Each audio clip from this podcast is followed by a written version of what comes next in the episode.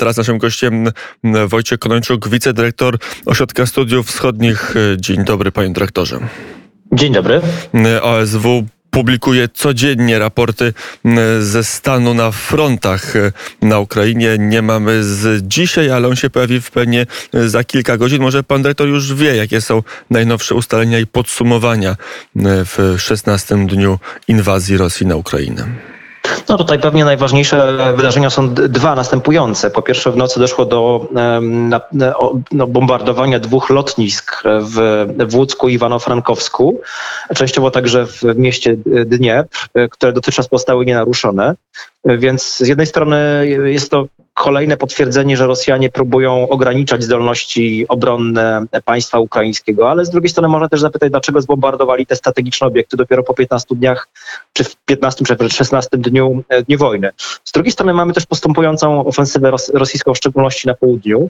O ile sytuacja na, w tych frontach północnych, północno-wschodnim i wschodnim w dużym stopniu się, nie, nie, czy znacznym stopniu się nie zmieniła, bo tyle rzeczywiście widać, że celem rosyjskim um, ofensywy z południa idącej pozostaje zajęcie miasta e, Krzywy Róg, Zaporoża, a potem, a potem Dniepr, ale zarazem siły zbrojne ukraińskie też e, utrzymują pozycję, więc tutaj można konkludując powiedzieć, że ta operacja zdecydowanie nie idzie e, dla mm, e, wojsk rosyjskich tak, jak sobie to zaplanowali przed, przed inwazją.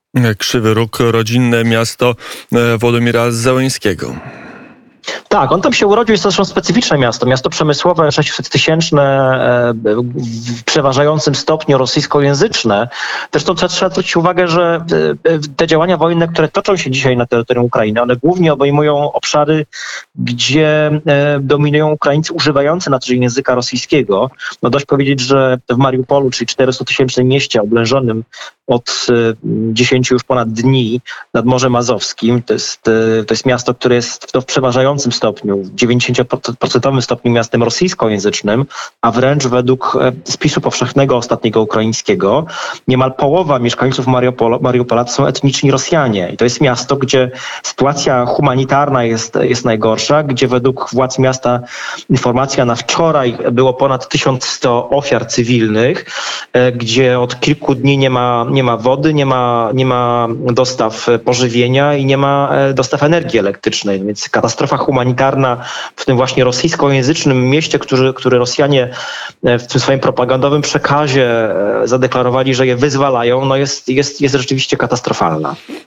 A z drugiej strony Rosjanie, mimo że posuwają się trochę do przodu na południu.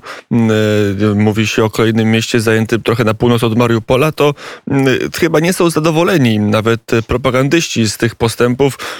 Dostał się do naszej części internetu wywiad Sołowiowa, jednego z głównych propagandystów Putina, nie w telewizji, ale chyba na jego prywatnym kanale w mediach społecznościowych, gdzie rozmawia z emerytowanym generałem, który ten generał podkreśla, że ofensywa rosyjska Polska idzie źle, a nawet bardzo źle mm, podkreśla, że władza polityczna, ten generał podkreśla, że władza polityczna jest w miastach, a tych miast Rosjanie nie są w stanie e, zdobyć i albo w ogóle nie próbują, albo idzie im to nieporadnie. Tak to wygląda, że, że Rosjanie e, już, już sami eksperci rosyjscy i ci, którzy za propagandę odpowiadają, odkrywają, że ta ofensywa idzie nie po myśli Putina.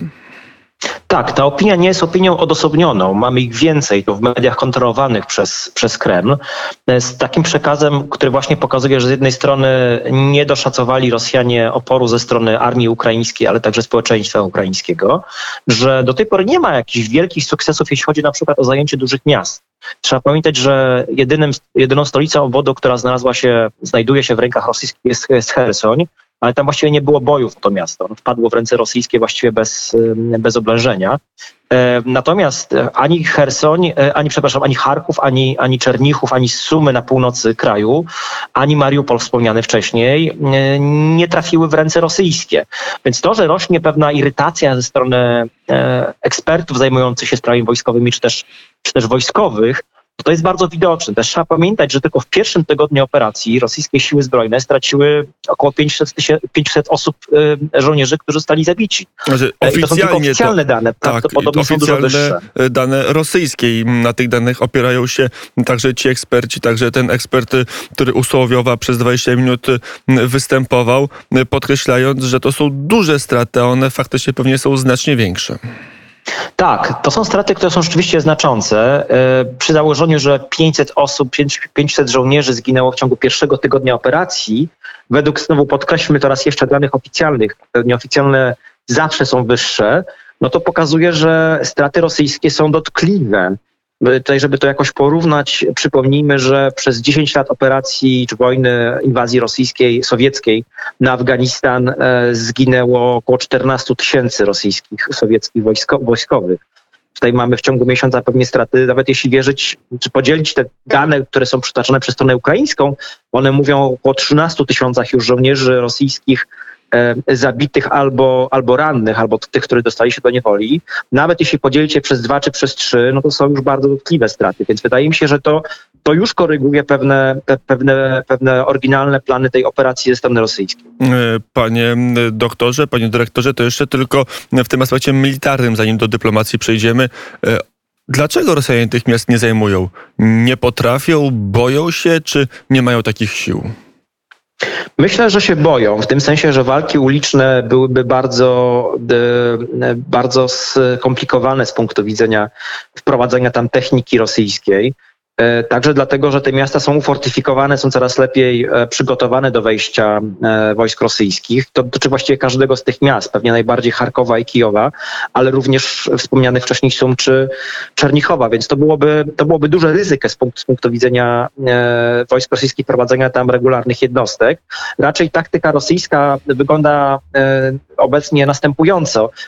Rosjanie próbują zamknąć pierścień oblężenia, w szczególności wokół Charkowa i Kijowa, doprowadzić do możliwie dużych e, ucieczek ze e, mieszkańców, e, cywilnych mieszkańców e, i prawdopodobnie będą chcieli te miasta, to takim testem jest Mariupol, prawda? Odcięcie miasta od dostaw e, wody, żywności, e, energii, brak komunikacji mobilnej i tak dalej. Więc to, to wygląda na to, że podobne wzory chci- chcieliby Rosjanie powtórzyć w tych miastach na północy, także w Kijowie i w Charkowie.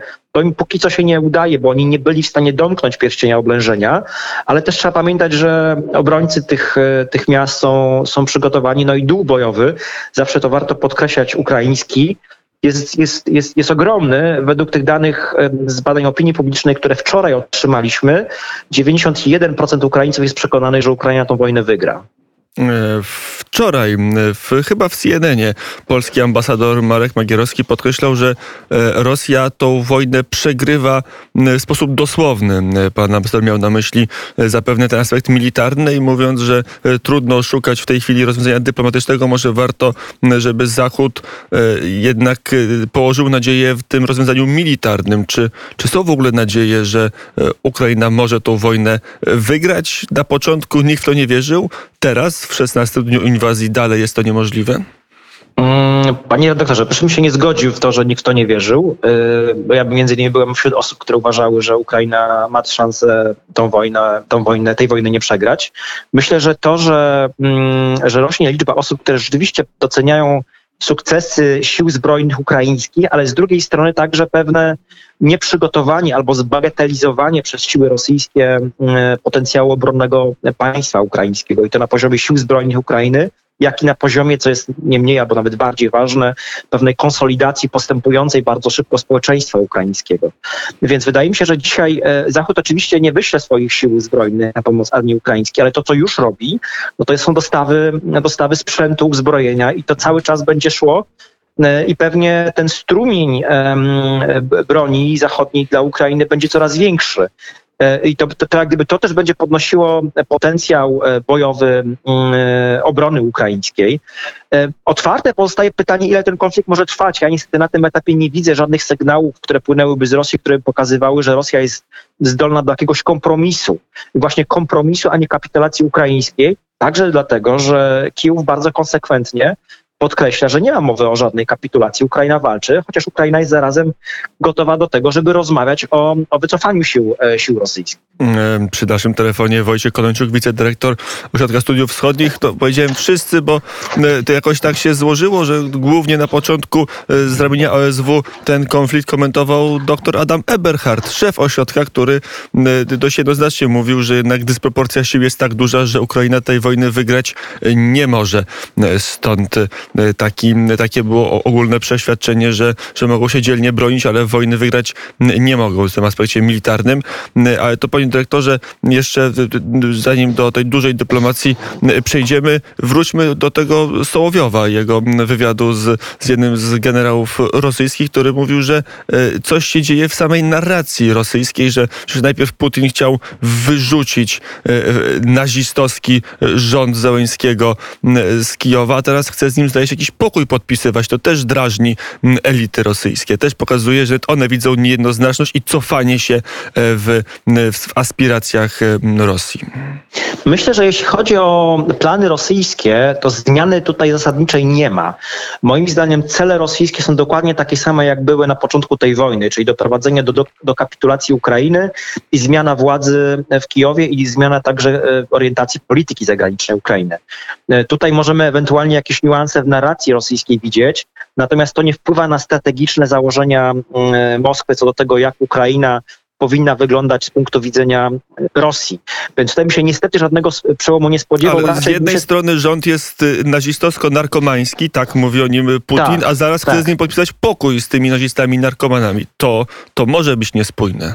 E, pokój, ale proszę zauważyć na jakich warunkach. E, pokój na zasadzie kapitulacji. Znaczy te warunki, które, które znamy, które Rosjanie przekazali, są oczywiście nie do zaakceptowania, bo to jest de facto no, podpisanie, e, przyjęcie w pełni żądań rosyjskich. Więc rzeczywiście Rosjanie to w odpowiedni sposób e, w dyplomatycznym języku opakowują, ale to istoty rosyjskich żądań nie zmienia. One są takie same, nawet jeśli język używany do ich opisu jest nieco inny. Mm, czyli to nie będzie kłopotem dla Putina, żeby e, nagle podpisać pokój z Załęskim, mimo że formalnie w wystąpieniach w zasadzie odmawiał mu mm, mandatu do bycia prezydentem Ukrainy pokój na zasadzie kapitulacji ukraińskiej, myślę, że Putin mógłby z Zeleńskim popis, podpisać. Tylko, że e, Ukraina jest krajem, który jest bardzo daleki od skapitulowania.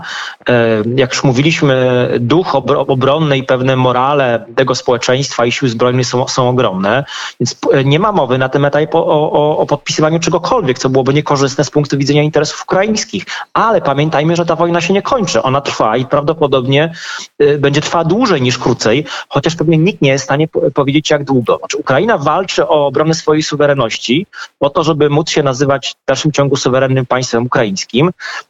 I to, to jak ta wojna wygląda po pierwszych 15 czy 16 dniach, no, z pewnością nie tak to sobie Rosjanie wyobrażali, ale też zarazem trzeba zwrócić uwagę, że także na Zachodzie e, jest coraz więcej głosów, które, które podkreślają, że armia ukraińska no, radzi sobie zdecydowanie lepiej niż można było tego oczekiwać. Mm, też, panie doktorze, w tym aspekcie rosyjskim, no bo pojawiają się głosy także w Polsce, ale i na świecie, że jednak Rosja w jakimś sensie cofa swoje żądania, że, że jakby jej ton jest nieco inny. Czy, czy widzimy jakiś taki proces, który by wskazywał, że gdzieś w Moskwie jest refleksja, że koszty są tak duże, że może warto powoli szukać kompromisu i jakiś mniej daleko, czy, czy e, e, nie tak daleko idących postulatów wobec Ukrainy wyciągać.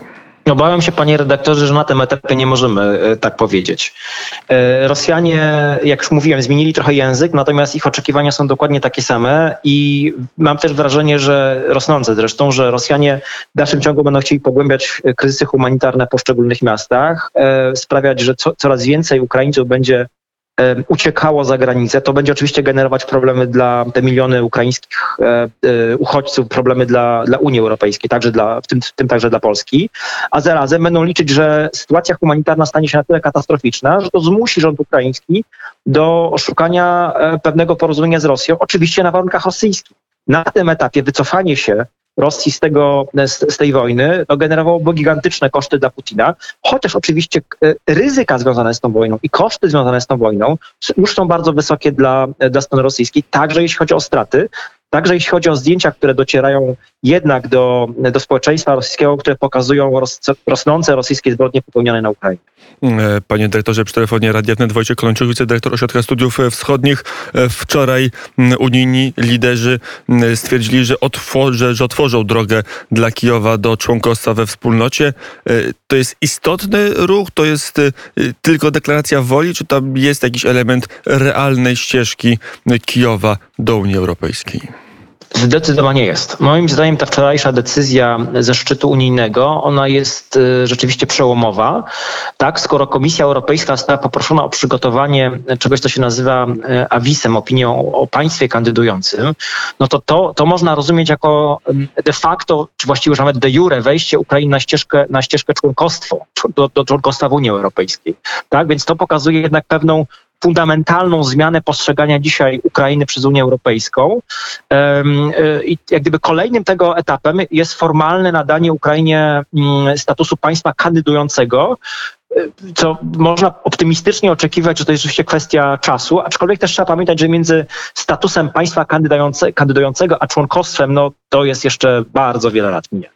Mm, i będzie długa mm, droga. Jak rozumiem, temat NATO jak na razie jest zbyt drażliwy. A co Rosja będzie myśleć o członkostwie w Unii Europejskiej? To jest organizacja, która nie ma własnych sił zbrojnych, więc nie ma de facto charakteru militarnego, no ale przecież nie przybliża Kijowa do Moskwy. Oczywiście nie przybliża Kijowa do Moskwy, e, ale zarazem trzeba pamiętać, że Rosjanie e, chcą nie tylko pogrzebać jakiekolwiek perspektywę członkostwa Ukrainy w NATO, ale jakichkolwiek związków ze światem zachodnim e, integracyjnych. Także członkostwo Ukrainy w Unii Europejskiej było, jest i pozostanie zapewne, dopóki mamy putinizm w Rosji, zagrożeniem dla interesów tego państwa. Więc to trzeba pamiętać, że niezmiennym celem rosyjskim w tej wojnie pozostanie, pozostaje odwrócenie kierunku polityki zagranicznej ukraińskiej i sprawienie, aby Ukraina powróciła w strefę wpływów rosyjskich, czy taką trochę model białorotenizacji Ukrainy byłby idealny z punktu widzenia interesów Kremla. To skoro padł termin białorotenizacja, to e, na sekundę dosłownie na Białoruś do Mińska się wybierzmy. Stamtąd wyleciał prezydent Łukaszenka e, do Putina, żeby z nim rozmawiać. Efektem tych rozmów może być wkroczenie wojsk białoruskich na Ukrainę? To jest pytanie, na które e, cały czas nie ma jasnej odpowiedzi, bo z jednej strony wiemy od, od, od 24 lutego, że Białoruś także jest państwem agresorem, skoro siły rosyjskie wkroczyły na terytorium ukraińskie e, z terytorium Białorusi, skoro trwają strzały Ukrainy z terytorium Białorusi, mimo tego, że nie ma wojsk białoruskich na terytorium Ukrainy, no to Białoruś de facto, de jure również, bierze udział w tej, w tej agresji. Czy dojdzie do wkroczenia jest sprawą otwartą wojsk białoruskich, dlatego że z jednej strony potencjał bojowy armii białoruskiej no nie jest jakiś e, zbyt duży, chociaż są tam jednostki, które byłyby pewnym wzmocnieniem sił rosyjskich operujących na Ukrainie. Z drugiej strony e, za taką potencjalną decyzją, która jest niewykluczona moim zdaniem, E, stoją też pewne ryzyka dla Aleksandra Łukaszenki. Te ryzyka, dwa najważniejsze to jest po pierwsze, co na to społeczeństwo białoruskie, tak? E, kiedy żołnierze białoruscy mieliby ginąć za cudą wojnę na, na terytorium Ukrainy, a po drugie też pytanie o to, jak się będą zachowywać sami żołnierze ukraińscy, e, białoruscy, przepraszam, na terytorium Ukrainy. To często opozycja polityczna białoruska podnosi, że wzywając wręcz, jest taka zmasowana kampania apeli do żołnierzy białoruskich, żeby nie sprzeciwiali się wykonywaniu rozkazów, Tutaj pytanie o, o pewną decyzyjność e, sił białoruskich pozostaje pytaniem otwartym. Ale zdaje się, że Aleksander Łukaszenka ma świadomość tego, że nie może do końca liczyć na swoich żołnierzy, nawet na oficerów. Mówi się, że w rozmowach z Putinem podkreśla, że on broni bardzo ważnego frontu w tej wojnie, frontu jeszcze nieotwartego, ale potencjalnego na granicy polsko-białoruskiej. Tam zdaje się, że są jakieś ruchy wojsk białoruskich, są zdjęcia z jakimiś workami z piaskiem, które układają wojska e, białoruskie, gotując się do obrony przed polskim natarciem. Tak, rzeczywiście w narracji Łukaszenki w ostatnich dwóch tygodniach e, ten, tego antypolska obsesja się jeszcze wzmocniła. On regularnie wraca do wątku zagrożenia, rzekomego zagrożenia ze strony Polski i innych państw NATO, twierdząc właśnie, jak pan zauważył, że to Białoruś broni wschodnich, zachodnich, przepraszam, rubieży mm, państwa związkowego Białorusi i Rosji. Tutaj jest, tutaj właśnie próbuje tak propagandowo pokazywać wartość armii białoruskiej dla, dla Rosji. E, To już ostatni temat, e, trochę, trochę kuriozalny, ale potencjalnie bardzo mm, e, tragiczny w skutkach, czyli gra dyplomatyczna i propagandowa Rosji dookoła broni chemicznej, broni biologicznej. Kuriozalna, bo, bo zdaje się, że z jednej strony Putin chce udowodnić, że, że być może koronawirus wyszedł z amerykańskich laboratoriów na Ukrainie, no ale z drugiej strony, jak podnosił Władimir Zeleński, czasami Rosja uprzedza swoje własne uderzenia takimi oskarżeniami, że inni chcieli zrobić to samo. W tym wypadku mówimy o broni biologicznej, broni chemicznej, czyli rzeczach e, koszmarnych i potwornie niebezpiecznych. Jak wygląda ta narracja rosyjska? Rosjanie rzeczywiście w ostatnich dniach mają e, bardzo zmasowaną propagandę, także na poziomie informacyjnym własnej dyplomacji, mówiącej, że Ukraina rzekomo przygotowuje się do, przygotowywała się do stworzenia broni e, biologicznej, chemicznej, która miałaby zostać użyta na terytorium Federacji Rosyjskiej. To się z kolei nakłada na także podnoszone przez Rosjan w ostatnich dniach intensywnie zarzuty, że rzekomo także Ukraina przygotowuje się do stworzenia bomby atomowej, prawda? No więc to zarzuty, są wcześniej. absurdalne. Teraz to jakby wyciszono tą broń jądrową, a broń chemiczna i biologiczna jest, jest tym głównym zagrożeniem, którym Kijów mógłby straszyć Rosjan. Jest głównym, aczkolwiek te oskarżenia o tym, że Ukraińcy rzekomo przygotowują broń atomową również nie znikły. Moim zdaniem to tego nikt poważny nie, nie, nie, nie przyjmie jako coś wiarygodnego. To jest raczej propaganda na użytek własnego społeczeństwa, uważam, która ma pokazać, że jak gdyby ma, ma podać kolejną przyczynę, dla którego Rosjanie, społeczeństwo rosyjskie ma wspierać rosyjskie siły zbrojne walczące na, na Ukrainie. Więc to jest jakby próba zyskania akceptacji ze strony Rosjan dla no, trwającej rosyjskiej agresji na, na A terytorium ukraińskim. propagandowe przygotowanie do użycia takiej broni na Ukrainie przez Rosję? Myślę, panie redaktorze, że jesteśmy na takim etapie, ja to w ostatnich dniach e, często podkreślam, kiedy e, e, rzeczy, które dwa tygodnie temu czy trzy tygodnie temu były nie, niemożliwe do wyobrażenia, dzisiaj takimi już nie są. I to byłaby moja odpowiedź. Wojciech Konończuk, wicedyrektor Ośrodka Studiów Wschodnich, był gościem Radia Wnet. Dziękuję bardzo za rozmowę. Dziękuję również. Do widzenia.